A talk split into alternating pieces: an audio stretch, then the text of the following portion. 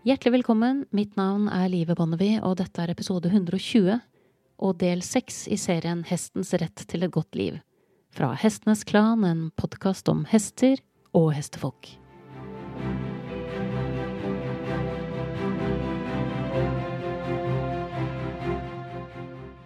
Denne helgen så gjennomførte jeg et intervju med Sue Dyson. Det er en dame som jeg har hatt stor faglig respekt for over mange år, og som har stått på min liste over gjester jeg ønsket å invitere. Eh, helt siden starten, egentlig. Hvorfor har jeg ikke invitert henne? Litt uh, tilfeldig, og det er et eller annet med at ting skal passe inn i en rytme også, så hun er jo ikke den eneste som har stått på den listen i over to år. Noen tar det lang tid å få i studio, og Su var heldigvis ikke en av de. For nå var det noen store brikker som falt på plass for meg i forhold til uh, denne podkasten. Både i forhold til ambisjonen jeg har med den, og i forhold til hva jeg ønsker å oppnå med den. Det var en kombinasjon av den historien om Daphne, eh, som, eh, som følger en hest som har en eh, utfordring som hun anstrenger seg for å skjule, som alle andre hester gjør. Og hvis dere har hørt enda litt lenger på podkasten, så vet dere at jeg er litt i samme situasjon med min egen hest. At det er et eller annet med ham som jeg ikke blir helt klok på. Og jeg har kommet til et punkt da hvor jeg møter meg selv litt grann i døra i forhold til det med at selv om man kan være god til å observere hester, noe jeg vil påstå at jeg er, så kan man selv også bli husblind. Så min gjett er at hesten min har hatt et issue over eh, tid, eh, som han har vært veldig god til å kamuflere, og nå har det blitt veldig synlig for meg at det er et eller annet som rett og slett bare ikke stemmer.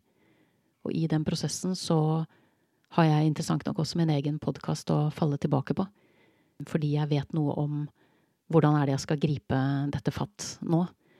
Eh, starte med å få diagnostisert og finne ut hva det er som er i veien. Eh, håpe at det ikke har gått så langt at det ikke er eh, mulig å gjøre noe med det. Og starte da prosessen med å rehabilitere så han kommer tilbake til sitt gamle jeg. Det er ganske små ting som har gjort at jeg har oppdaget at det er et avvik.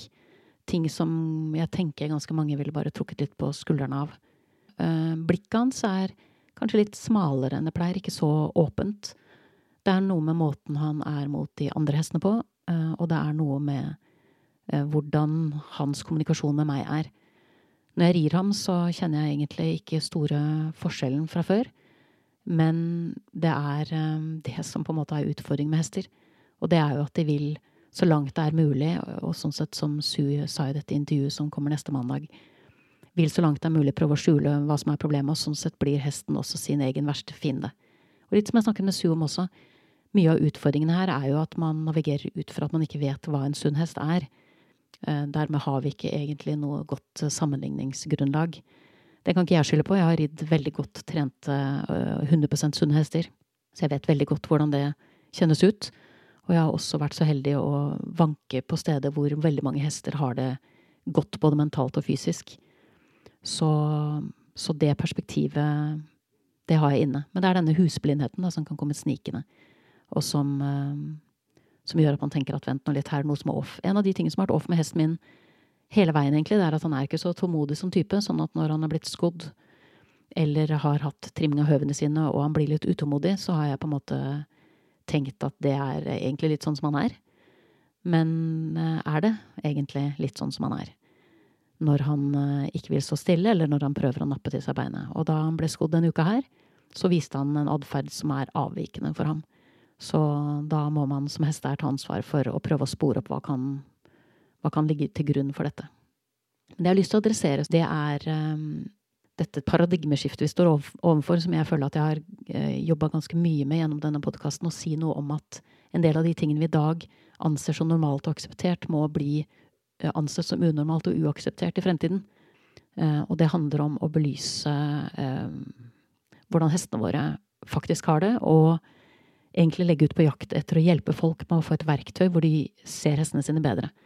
Og så er jeg så heldig da at Sue Dyson egentlig har gjort den vitenskapelige siden av dette arbeidet. Hun har rett og slett satt opp en liste over ting du kan se etter som vil gjøre det lettere for deg å avgjøre om hesten din er frisk eller ikke. Altså om den har issues eller ikke.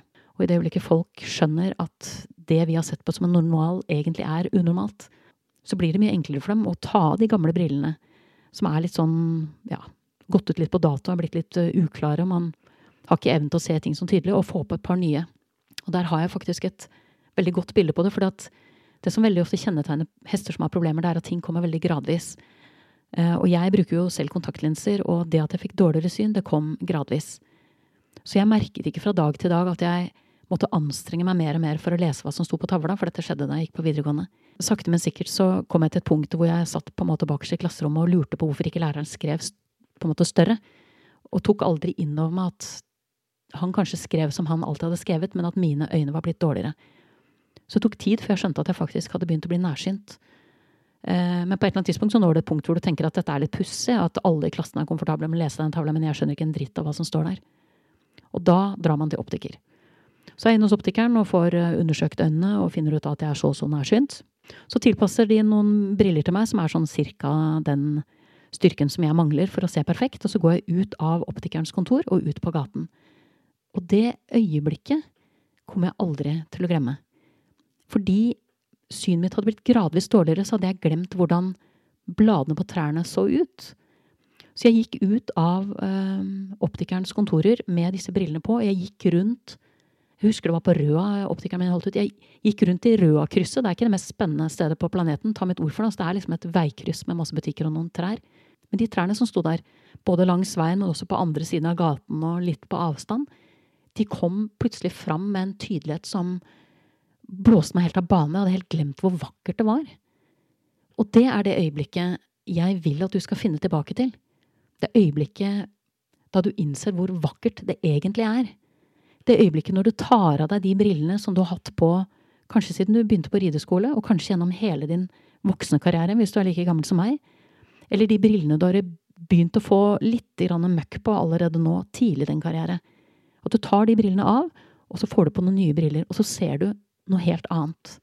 Det er så utrolig verdt det å legge ut på jakt etter det øyeblikket, da du plutselig innser at du kan se noe helt annet enn det du har sett før.